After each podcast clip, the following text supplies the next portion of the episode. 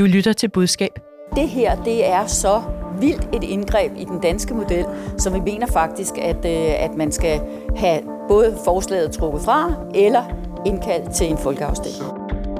Hold snitterne væk fra vores helligdag, eller hold en folkeafstemning. Fagbevægelsens tungeste mænd og kvinder stod skulder om skulder med et budskab klar til konfliktoptrapning. De krævede en folkeafstemning om afskaffelsen af Stor Bededag og inviterede samtidig til store demonstrationer. Desuden har de lanceret en underskriftsindsamling. En underskriftsindsamling, som på få timer passerede 100.000 underskrifter. Hvad får fagbevægelsen ud af at mobilisere en folkebevægelse? Rokker de reelt ved regeringens planer om at tage livet af en helligdag? Og hvis regeringen alligevel står fast og gør Stor Bededag til arbejdsdag, hvad har fagbevægelsen så fået ud af al raballeret? Velkommen til Budskab, Fagbladjournalistens podcast, hvor vi er klar til at dykke ned i ugens største kommunikationssager. I dag skal vi også tale om TV2 Lorry, som er blevet til TV2 Kosmopol, fordi de ikke vil være kendt for at lave en and er gået over gaden tv. Mit navn er Marie Nyhus.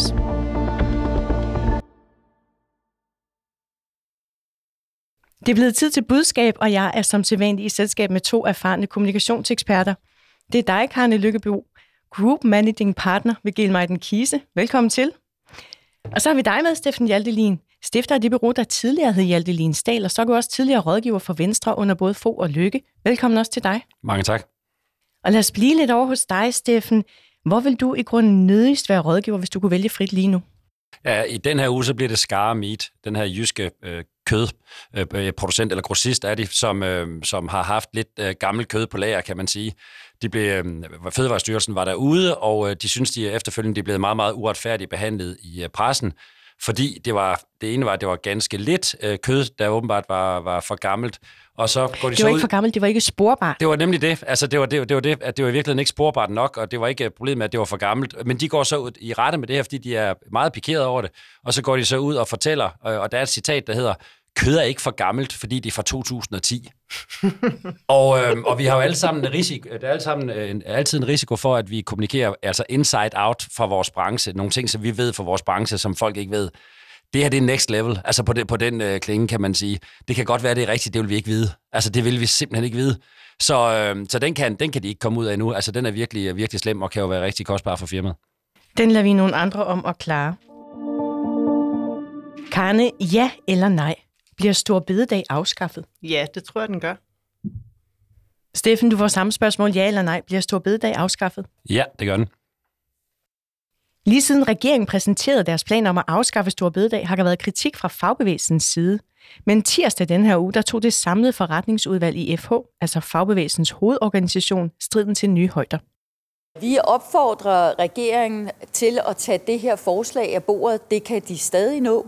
Og, øh, og vi opfordrer også til, at hvis det er, at de vil holde fast i det, at de så indkalder til en folkeafstemning, så de hører befolkningen. Det var en udmelding, som medierne hurtigt bed på. Fagbevægelsen vil have en folkeafstemning om afskaffelsen af Store Bededag. Drop forslaget om at afskaffe Stor Bededag. En samlet fagbevægelse blæser nu for alvor til angreb og opfordrer ikke blot medlemmerne, men hele befolkningen til at deltage i store demonstrationer. Ja, som det bliver nævnt, har fagbevægelsen på nettet sat gang i en underskriftsindsamling. Ja, og fagbevægelsens kritik og opfordring kommer altså på dagen, hvor Mette Frederiksen skal på Folketingets talerstol. Karne, hvad får fagbevægelsen ud af at gå ud med den her ret så bombastiske udmelding om en folkeafstemning? Det, de får ud af det, det er jo, at, at de prøver at sige, at det her det er ikke øh, regeringen mod fagbevægelsen, det her er regeringen mod folket. Øhm, og det kan man sige, det er jo på den ene side et nederlag, fordi for få år siden, der ville fagbevægelsen være folket. Øh, det er de ikke mere.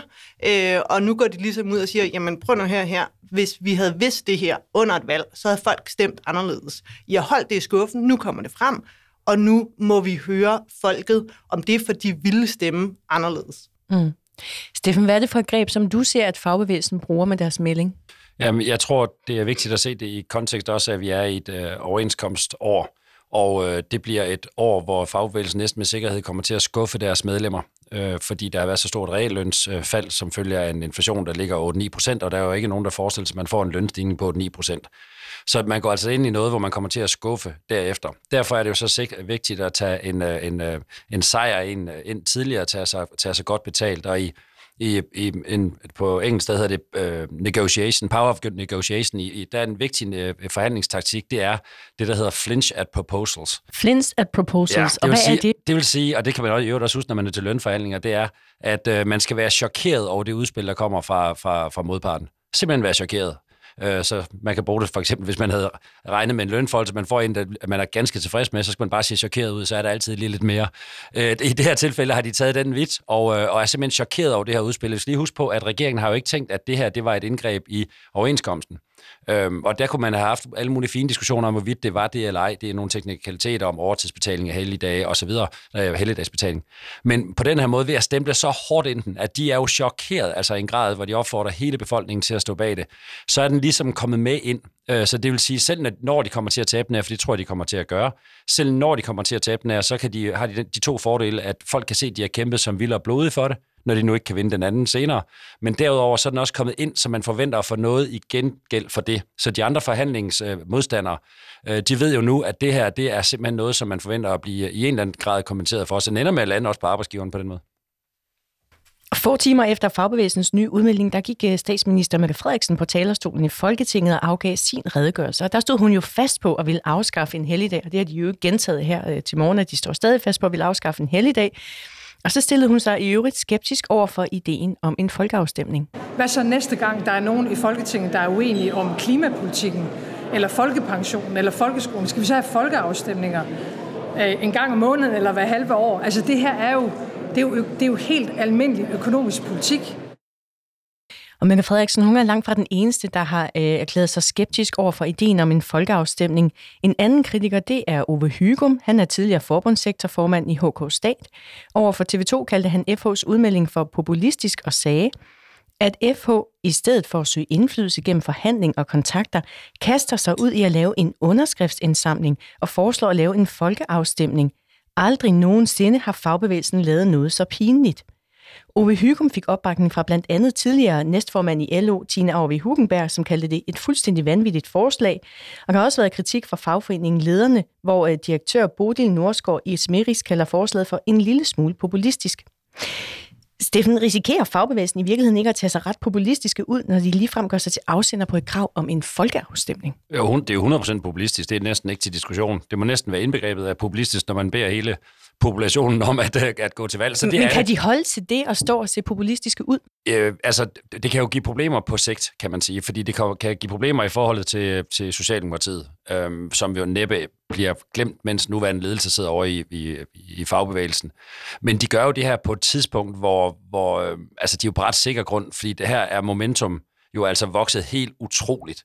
Og de har selv været ude og lave analyser, så de ved, at her står de altså på noget, som 70-80 procent af befolkningen er enige med dem i. Hvad er det for analyser, du henviser til Ja, her? men de har jo haft i hvert fald analyser i, øh, der var analyser i, øh, i, øh, i er det Fagbladet 3F? Ja, Fagbladet 3F, ja. som havde analyser af, hvor mange, hvor mange i befolkningen, som bakker op om det her, og hvor mange, der vil have stemt anderledes i forbindelse med valget. Mm. Så de har jo vidst på forhånd, når de stemmer ind i det her, at, at her er de på helt usædvanlig sikker grund, kan man sige. Øhm, så derfor giver de den en over nakken, og de har jo helt sikkert også fået været sikre på, at de bliver, bliver, vil blive beskyldt for at være populistiske. Der er langsigtet risiko for, for for forholdet til Socialdemokratiet. Men og jeg, det er jo, altså, al kritik er jo sådan set berettiget af, at man prøver på at gå ind, fordi de, de blander sig jo nu i Christiansborg-forhold, ikke? Altså, de opfordrer til, at der, at der bliver Øh, at det bliver samlet de 60 mandater, øh, der kan kræve en folkeafstemning, og de har lige været sure over, at, at, øh, at regeringen ikke har taget dem selv med. Så de går selv over, over på den anden side af bækken, kan man sige. Men jeg forstår godt, at de årsager, vi var inde på tidligere, så forstår jeg godt, hvorfor de gør det. De kommer ikke til at vinde den, de, de her, i år kommer de ikke til at, at få det igennem, som deres medlemmer regner med, så de tager den her kamp. Mm. Ja, skal vi lige tage det med, at, det jo, at de vil aktivere det der paragraf 42, som, og det vil så være for anden gang i Danmarks historie, hvis det skulle ske, at der kom en folkeafstemning på den baggrund. Sidste gang var i 1963 med folkeafstemninger om jordlovene. Så det ville jo være et særsyn, må man sige. Men Karne, du fortalte mig noget om, at interesseorganisationer skal have, hvad du kalder en bevidst tabersag. Hvad er det? Det er jo helt grundlæggende, når de siger sådan lidt, om det her det er populistisk, siger kritik, øh, kritikerne, og siger, jamen man burde jo søge indflydelse i stedet for. Ja, det burde man, og det er en interesseorganisations ene opgave. Øh, den anden opgave er at have nogle tilfredse medlemmer. Og øh, at søge indflydelse, og de besværlige kompromiser, øh, det er ikke altid noget, der begejstrer baglandet. Så derfor er der sådan en, en klassisk taktik for organisationer, der siger, vi laver alt det besværlige arbejde, vi laver kompromiserne, vi går til møderne, men så har vi også en sag, som vi ved engagerer vores medlemmer, men som egentlig aldrig bliver til noget, så vi kan blive ved med at hive den op af kassen igen og igen og igen og sige, vi kæmper for jer, vi kæmper for jer. Og særligt, vi kæmper for noget, som aldrig bliver til noget, så derfor kan vi blive ved med at kæmpe. Det er rigtig, rigtig godt. Et godt eksempel er jo, at øhm, da Danmarks Lærerforening under Anders Bondo havde absolut mindst indflydelse, var blevet sat fuldkommen uden for døren, så var formanden så populær som nogensinde. Og det var jo fordi, at det de stod på, det var at sige, jamen vi vil have rullet den her reform tilbage. Øhm, og det var en tabersag. Det kom aldrig til at ske, i hvert fald ikke på den måde, de foreslog det på, men medlemmerne blev super begejstrede. Så derfor er det sådan en klassisk trick, og også altid min anbefaling kommunikativt til organisationer, og siger, vi skal både lave det, vi ved virker, men vi skal altså også huske, at vi skal have noget, der, der får baglandet til at synge med på omkvædet. Ikke? Men er det ikke lidt hul kommunikation at stå og slå på tromme for en sag, hvis man ved, at det ikke kommer til at ske?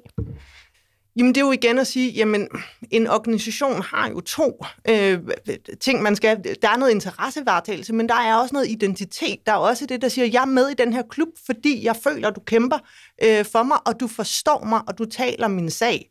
Og der kan man sige, hvis man skal gå ind og være, øh, kan man sige, grommeleret teknokrat, og kun sige, vi, vi rejser kun de sager, vi ved kan lykkes, jamen så på et eller andet tidspunkt, så holder jeg op som medlem med at være engageret i den her forening. Men når vi også tør tage, øh, kan man sige, de slagsmål, hvor der er noget saft og kraft, selvom det måske aldrig bliver til noget, jamen så begynder jeg at føle øh, mig engageret. Og så har Steffen jo en fin pointe i at sige, at når vi også gør det, så viser vi også nogle, nogle muskler, øh, og så gør det måske, at det grommelerede kompromis bliver en lille smule mere til vores fordel. Ja, så jeg synes, der er en, måske en tilføjelse til, til, til det her, der hvor populismen øh, måske øh, kommer til at komme negativt ind for fagbevægelsen. Det synes jeg, vi så i går, hvis I så øh, Lisette Risgaard i øh, Libert, hvor, øh, hvor han, hvor det, er jo, det er jo et langt interview, og han har tid til at spørge ind til det her. Og så kan man jo godt se, at det her det er sådan mere et overfladeforslag, fordi han stiller jo det rimelige spørgsmål at sige, okay, I mener så, at vi skal have en øh, folkeafstemning, paragraf 42 nu, 60 mandater skal aktiveres på grund af stor bededag. Øh, hvad med efterløn? Altså, hvad, hvad, hvad da, da dagpengeperioden blev, blev nedsat? Og det havde hun simpelthen ikke nogen reelle svar på andet, end det var før hendes tid, og så videre, ikke? Øh, og så siger han samtidig, at det her det er jo så, fordi de er så øh, øh det, pikeret over, at, øh, at regeringen går ind over grænsen og blander sig i overenskomstforhandlingerne. Så siger han, det var måske heller ikke, øh, det synes vi ikke, vi hørte så meget, da, da de lovede 3 milliarder mere i lønninger. Nej, lige præcis. Ikke? Og, og det havde hun heller ikke uh, lige så stærke svar på. Så det er klart, at ud, altså omkostningen ved at køre et, et populistisk, hvad der helt klart er et populistisk forslag, med de fordele, der også er i det, at det nemlig er, er populært hos mange mennesker.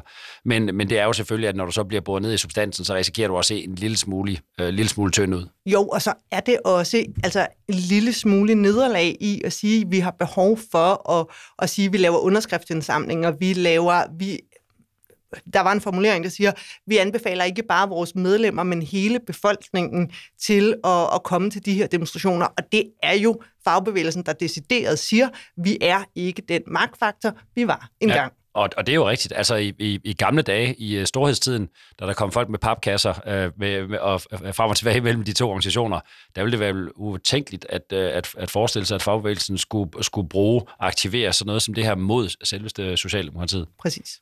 Hvordan arbejder du selv med bevidste tabersager i din egen rådgivning, Karne? Jamen det gør jeg med at sige, okay, hvad er det, vi drømmer om? Hvad er det, øh, medlemmerne er super aktiveret på? Og hvordan kan vi blive ved med at kommunikere det her? øhm, selvfølgelig skal man også altid sige, at de bevidste tabersager skal ikke kun være kommunikative. Man skal også stille forslag på det. Men ofte så er det at gå ind i en organisation og sige, godt, vi har de sager, vi forhandler på, og så har vi de sager, vi kommunikerer på. Og der er nogle gange, hvor man siger, men vi har ikke tænkt os at gå ud og kommunikere på det her, for vi ved, at det her får vi stort set aldrig igennem. Og så i min rådgivning er at sige, at det er lige præcis det, vi skal kommunikere på. Øhm, fordi det er det, der aktiverer medlemmerne. Hvis vi kun går ind og kommunikerer på det, som vi ved kan blive til politik, kan blive til forhandling, jamen så, øh, så bliver jeg simpelthen ikke begejstret. Så laver man, hvad jeg nogle gange kalder en McDonald's, og siger, der er ikke nogen, der ikke kan lide McDonald's, men der er heller ikke nogen, der rigtig kan lide McDonald's, ud over en 14-årig teenager. Og lidt mig. altså, ideen om en folkeafstemning er jo ikke ny. Ny Borgerliges Pernille Vermund, hun kom jo faktisk med den allerede 15. december. Det var lige efter, regeringen havde præsenteret sit uh, regeringsgrundlag. Steffen, hvorfor har den tilsyneladende mere genklang nu, ideen om en folkeafstemning? Jamen det her, det er jo en af de øh, usædvanlige sager, øh, eller ikke usædvanlige, det sker jo, men at ting, den, den har fået momentum. Altså det er jo sådan en sneboldseffekt, og man ved bare ikke, når jeg siger usædvanligt, fordi man ved aldrig helt på forhånd, hvad det er for noget, der får den her øh, voldsomme effekt. Og jeg er da ret sikker på, hvis vi lige spoler tilbage til januar 2021, coronatid, februar 2022, krig i Ukraine, der havde vi ikke gættet på, at det ville være et oprør øh, af større dimensioner, altså næsten om stor bededag i øh, januar øh, 23. Men, men det sker bare med nogle sager. Og det, og det, jeg prøvede at sige før, var, det er, at fagbevægelsen går ind på et tidspunkt, hvor det er relativt ufarligt i forhold til øh, deres medlemmer og i forhold til befolkningen, fordi de ved, den er rullet. Altså, der er ingen tvivl om, at folk de hader den her øh, øh, øh, afskaffelsen, den her fridag. Øhm, og, og og det var, og det var, ikke, øh, tids, det var ikke tilfældet på det tidspunkt, hvor Værmund hun er ude. Der kunne den gå til hver side, det skulle være, kan man sige. Karne, du sagde, at det er svært for regeringen at kommunikere op imod en folkestemning mod fagbevægelsen. Har fagbevægelsen så udnyttet den her mobilisering godt nok, synes du? Mm, altså, det er jo ikke kun fagbevægelsen, det er jo også øh, kirkerne og ja, det er de, de fleste andre ja, end regeringen selv. Det, det, er sådan, det er sådan alle mod øh, regeringen. Og det var faktisk det, jeg mener, siger sådan lidt, at det er jo helt legitimt og også business as usual, at regeringen foreslår noget, så er der nogle interesseorganisationer, der siger, det synes jeg er noget pjat. Øhm, og det kan man sige, det er en ting. Men der er jo noget musik i det argument, der er i at sige, at det her var ikke på bordet til et valg. Det er der bare noget musik i. Der er sådan en fornemmelse af, øh, jamen vi blev bedraget. Øhm, Øhm, og, og, og der kan man sige, det er der noget, noget, noget kommunikativ musik i, og det er noget, som kan forarve folk, og ekstrabladet kan køre ud på det, øhm, og så videre, og så videre, og så videre. Kommer det til at ændre beslutningsgangen i sidste ende? Nej, det tror jeg faktisk ikke øh, som sådan. Men, men, men det er for at sige, det er jo, når vi skal kommunikere op mod folkestemningen, så er det jo at gøre det større end, kan man sige, business as usual, hvor der er en eller anden interesseorganisation, der er imod et politisk forslag. Jeg skal bare lige høre helt kort her til sidst. Steffen, du øh, startede med at sige, at du tror, at Stor Bededag bliver til en arbejdsdag. Hvad har fagbevægelsen fået ud af alt det her raballer med at kræve en folkeafstemning? Som vi talte sammen, øh, det, som jeg har været igennem her, så for det første har de øh, fået at vide, at de, eller vist, at de kan kæmpe for noget, øhm, og så har de fået den sejr, at de ikke får senere, for de kommer ikke til at få en tilfredsstillende, tilfredsstillende resultat i det års overindkomstforhandlinger. Så de har, selv, de har solgt sig så dyrt som overhovedet muligt, kan man ja. sige?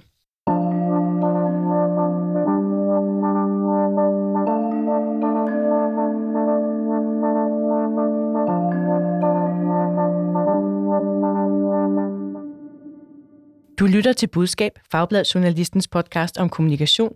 Husk, du kan altid skrive til os, hvis du har input eller idéer til podcasten, eller hvis du har et dilemma fra dit eget kommunikationsjob. Skriv til budskab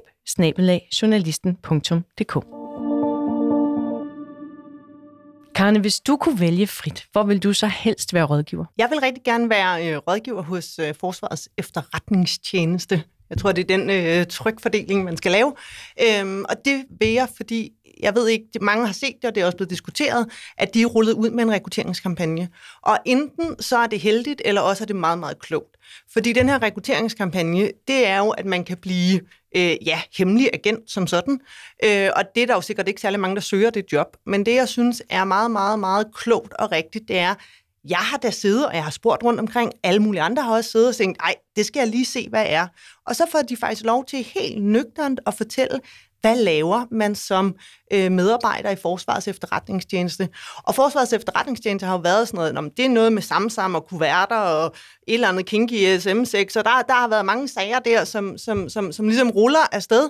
Og så får de lov til helt kælderkoldt og nøgternt at forklare, jamen, hvordan får du egentlig det til at passe med et liv med børn, og kan du nå at hente og sådan noget.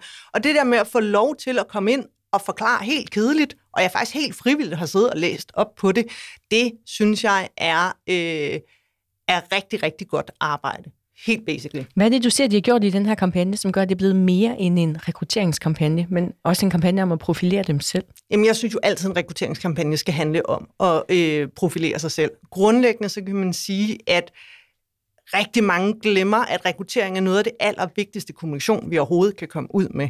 Fordi det er, at vi har et license to speak. Ikke sådan noget, jeg fortæller om noget, fordi jeg synes, jeg har et dårligt omdømme, men jeg fortæller om noget, fordi jeg gerne vil have nogle medarbejdere, eller nogle kunder, eller hvad det nu er, Øhm, så det er sådan verdens mest legitime kommunikationsform. Og når man bruger den til ikke bare at, at fortælle om, øh, du skal være agil og omstillingsparat, men rent faktisk fortæller, hvem er vi som organisation, så kan man virkelig, virkelig, virkelig flytte noget opfattelse af øh, dig som organisation og som brand. TV2 Lorry er fortid, og det du ser lige nu er i stedet TV2 Kosmopol. Vi er et helt nyt medie for alle os, der bor her i hovedstadsområdet, og vi glæder os til at fortælle historier fra vores metropol. Ja, sådan lød det i nyhedsudsendelsen på TV2 Kosmopol onsdag i sidste uge. Det, der tidligere hed TV2 Lorry, har fået nyt logo, nyt navn, nyt studie, og har i øvrigt lanceret en kampagne med både outdoor-banner og somi-reklamer. En kampagne, som ifølge direktør Morten Kær Petersen beløber sig op i omegnen af 5 millioner kroner. Steffen, lad du mærke til, at øh, din region fik et nyt øh, mediehus i sidste uge? Ja, og det kan måske også skyldes, at jeg er med i nogle øh, medie-ekokammer, fordi jeg så, jeg så i hvert fald øh, nyhederne og i, i mit feed, så de kom den vej. Jeg har ikke set noget af den betalte kommunikation før faktisk. Du og jeg talte sammen om, øh, til første interviewer før det her, hvor jeg kørte ind af Lyngbevejen, hvor jeg så en af de her outdoor. Øh, men det var første gang, jeg har set det ude i virkeligheden. Karne, blev du mærke i det? Ja, det gør jeg også, men jeg bor jo i de samme øh, ekokamre, øh, og jeg har, faktisk heller, jeg har faktisk ikke set den betalte kommunikation overhovedet. Og vi skal lige deklarere, at du for nylig er udnævnt af Dansk Industri som medlem af TV2 Kosmopols repræsentantskab, men du har altså ikke haft noget at gøre med relanceringen af mediehuset her. Så er det på plads. TV2 Kosmopols direktør Morten Kær Petersen, han var med i flere programmer, hvor han forklarede navneskiftet med, at TV2 Lois journalistik har ændret sig, uden at mediehusets image er fulgt med. Her kommer lige et lille sammenklip. Vi har også rigtig mange, som har fået defineret deres billede af, hvad Løje og dermed regional journalistik er i barndomsårene. De siger, at det var noget, vi så hjemme hos vores bedsteforældre. Det vi kommer til at gøre, og som vi jo også har gjort de senere på år, det er at tage et afsæt i den her region, og der har vi nogle problemstillinger, som går på tværs. Det handler også om at prøve at rykke lidt ved den der opfattelse af, at det er sådan noget, en and er gået over gaden øh, øh, tv. Karne, du synes, at relanceringen er en god idé. Hvorfor det? Jamen, jeg synes, det er altid en god idé at relancere, øh, hvis dit produkt fundamentalt har ændret sig, øh, og folk ikke ved det. Øhm, det er jo meget simpelt at sige, jamen hvis du har købt et gammelt pizzeria, øh, og så har du lavet et eller andet smart, nyt nordisk øh, brændt por øh, restaurant, jamen så er det måske meget fint at, at, at, at ændre øh, kan man sige, både indretningen og, og reklamerne og, og skiltet ude foran, så det ikke hedder HC's Pizzeria øh, mere.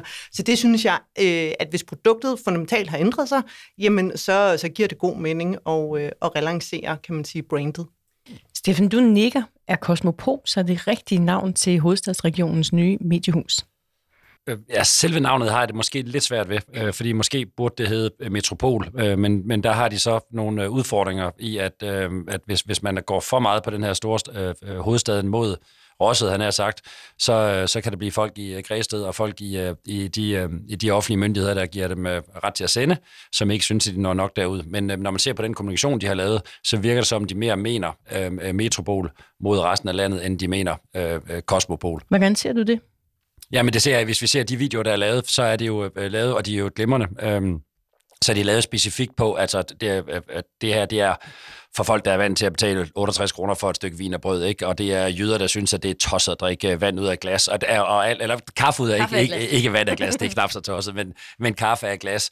Så det er det der med, at vi har noget særligt øh, i, øh, i området, øhm, og det, det, det synes jeg sådan set, de rammer meget godt i den her, men det er men den kosmopolitiske del af det, nemlig at det er også sammenligning med, med hovedsteder i andre dele af verden, øh, den kommer ikke til udtryk i det. Øh, og det måske bliver måske også for langt væk fra græset i første så, omgang. Så navn og kampagne stikker lidt i hver sin retning, siger du? Ja, en, en, indtil nu synes jeg, det gør mm. lidt. Du fortalte mig også, at hvis man skal lave en relancering, så er det vigtigt at have gennemtænkt point of re-evaluation. Altså, at der er et tydeligt før og efter øh, relanceringen. Så jeg spurgte direktør Morten Kær Petersen, hvordan de har arbejdet for at skabe sådan et point of re-evaluation. Men det gjorde vi jo ved en, ved en planlagt kommunikationsindsats, og netop ved at lave et nummer ud af det her med at lave skiftet overnight som jo også gjorde, at den ramte alle øh, medier, ikke bare regionale, men nationale medier, øh, den 11. Og så selvfølgelig med, at vi laver øh, kampagne, og med, at man jo ser et markant andet udtryk, når man går ind og ser vores øh, udsendelser nu. Og så internt i huset markerede vi det ved, at folk tog hjem den 10. fra et hus, og så kom de tilbage til et hus den 11., hvor der var foretaget nogle ændringer, så man ikke mødte ind 100% til den samme arbejdsplads, som det var. Hvad siger du, Steffen? Er de lykkedes? Øh, altså det der udfordring, den her slags øh, sager, som jeg har beskæftiget mig en del med, er, at det næsten aldrig er nok. Man synes selv, det er meget, øh, og jeg har været i politikken i mange år, og været med til mange redaktionelle ændringer, hvor, hvor redaktionerne var helt enige om, at det her det var bare fuldstændig anderledes. Ikke? Og så kunne vi se efter i, i læseranalyser efter nogle måneder, det var det så stadigvæk kun redaktionen, der vidste, var fuldstændig anderledes, fordi jo folk jo ikke går lige så meget til det, som, som de gør. Men grundlæggende så i de her rep, øh, eller rebranding-opgaver, så er der to øh, forskellige situationer. Det ene, det ene kan være, at dit brand er uklart, at folk ikke rigtig ved, hvad det står for. Eller også kan de have et meget klart billede af, hvad det står for. Det står bare forkert. Mm. Og det var det, der var ligesom var tilfældet her. Det er det, og hvis, du bare, hvis du bare siger øh, Løje, så har du et fuldstændig klart billede, ligesom hvis jeg siger Mercedes, så har I et fuldstændig klart billede af det, eller hvis jeg siger Jyllandsposten. Jyllandsposten rendte jo ind, for år tilbage ind i nogle udfordringer, de skulle prøve på at være i København øh, fordi det var svært for Jyllandsposten. De her fastlåste brands, de er så svære at flytte, at det er næsten ubegribeligt. Altså mm. virkelig. Og, øh, og I kan jo, hvis bare, bare tager lige en bil mere, ikke? fordi så kan I huske Skoda. Altså, jeg tror, det er, hvad er det, 25 år siden, at øh, Skoda holdt op med at lave dårlige biler og begyndte at lave virkelig gode biler, ikke? Øh, og indtil for nylig, hvis det ikke stadigvæk er sådan her, så folk, der køber en Skoda, de siger faktisk. Ikke? Men og det er altid et godt tegn. Det er, faktisk et, det er faktisk en god bil. Og her har vi, her har vi en udfordring, at hvis, hvis, hvis Løje rent faktisk er ved at skifte sig til at være noget ganske andet, så skal den have sådan en over nakken, så man forstår det. Altså at forstå, at det her det er øh, noget, noget nyt øh, før og efter. Og det synes jeg ikke, når jeg går ind og ser på det, der er sket. Altså jeg så, at de holdt en reception i deres øh, kantine, øh, og så har der været nogle interviews, og så er der kommet et nyt, øh, øh, nyt øh, logo og nyt design. Ja, og udsendelserne ser lidt og jeg synes, ud, at, også? Og jeg ja. synes, at jeg, jeg kan se, at studiet ser lidt anderledes ud. Jeg ved ikke, om det ser mere kosmopolitisk ud. For at være helt ærlig, det ser stadigvæk en lille smule øh, lokalt ud øh, med mine øjne. Øh, men, men, men det skal være kæmpestort, for at folk de forstår, at det her det er noget helt andet. Ellers så vil du bare synes, det er det samme. Og sagen er jo den, at når du laver sådan en rebranding, så er der en ting, du ved med sikkerhed, det er, at du mister nogen. Øh, fordi de fjerner sig jo nu fra, fra almindelige mennesker i Græsted, kan man sige. Så, så for at det kan betale sig, for at det kan være godt, så skal du have nogle nye ind. Altså du skal have nogle nye ind, som siger, nu giver jeg det en chance. Nu skal jeg ind og se det. Og, øhm, og, og hvis vi prøver, prøver lige at tage en vellykket en fra, fra den kommercielle verden. Nogen kan måske huske dengang, Hennes Maus gerne ville løfte sig på kvalitet og, og mode, og så lave et samarbejde med Karl Lagerfeldt. Altså, det, ja, mm, i, i, der bliver nikket her, ikke? Øh, det, var, det, var, det havde man simpelthen ikke regnet med. Det var simpelthen mindblowing, ikke?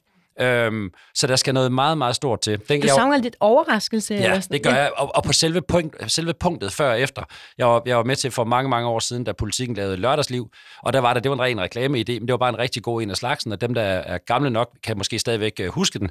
Der lavede vi en uh, gigantisk, eller de lavede, for jeg var ikke medansvarlig for det, de lavede en gigantisk plakat af en gravid nøgen Tør Seidenfarten øh, som, øh, som så var gravid med det her lørdagsliv, og det blev lavet i sådan 20-30 meter høje plakater og placeret 6-7 forskellige steder rundt omkring i Danmark. Men det var bare for at skabe et, et, et tydeligt før og efter. Og det mangler jeg lidt i det her. Jeg mangler et tydeligt før og efter. Jeg synes ikke, det er tydeligt nok. Og jeg er bange for, at, at nye, der kommer til, de ikke vil kunne mærke forskellen. Det får vi se. Øhm, der er i hvert fald også en anden ting, vi lige skal nå at runde, som er, at TV2 Kosmopol har holdt deres øh, relanceringsplaner hemmelige, og også for Radio- og TV-nævnet, som er dem, der holder øje med, om de overholder deres public service-forpligtelser. Efter relanceringen, så har den nye kulturminister Jakob Ingen Schmidt bedt om et møde med Kosmopols direktør, så han, citat, kan sætte ord på stationens nye profil. Karne, hvad synes du om det her med, at øh, TV2 Kosmopol altså ikke har varslet deres interessenter inden relanceringen?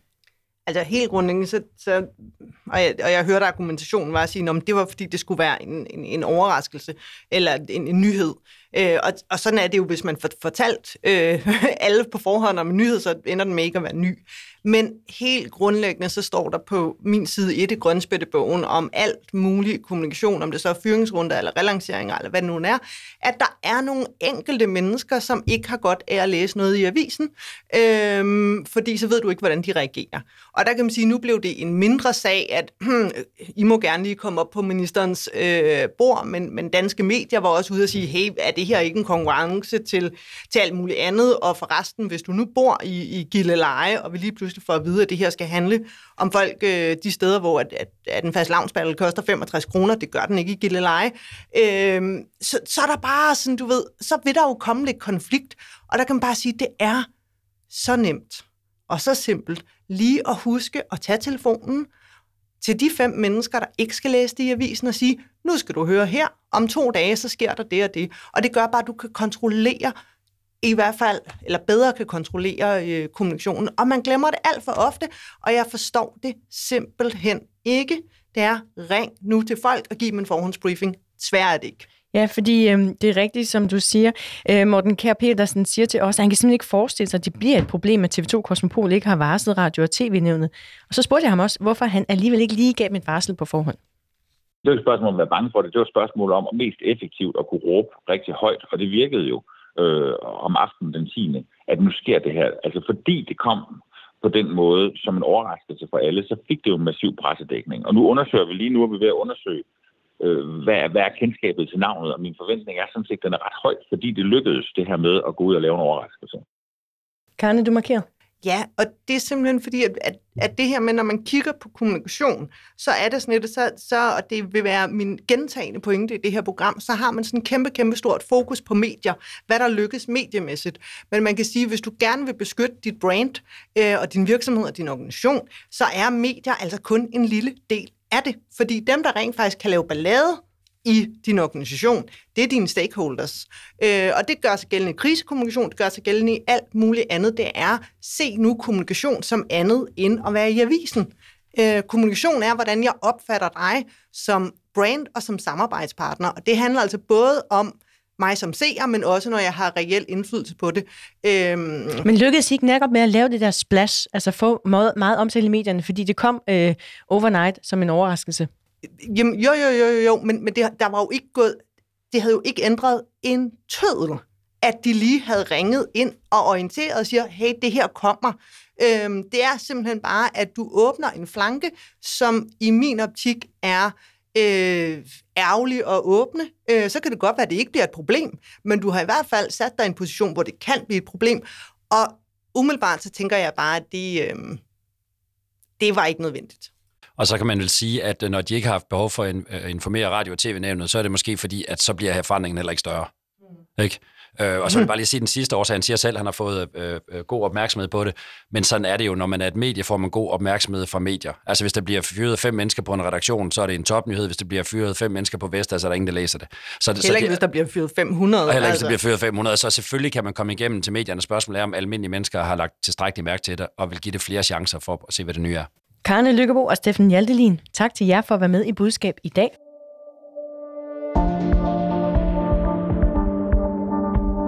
Du lyttede til Budskab, Fagbladet Journalistens podcast om kommunikation. Udsendelsen i dag er tilrettelagt af Sandra Korsgaard og mig. Mit navn er Marie Nyhus, og jeg er redaktør og vært på Budskab. Hackerpark Productions står for lyd og teknik.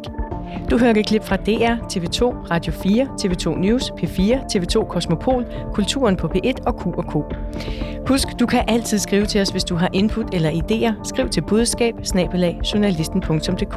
Og hvis du kan lide at lytte til budskab, så giv os meget gerne en anbefaling. Tak fordi du lyttede med.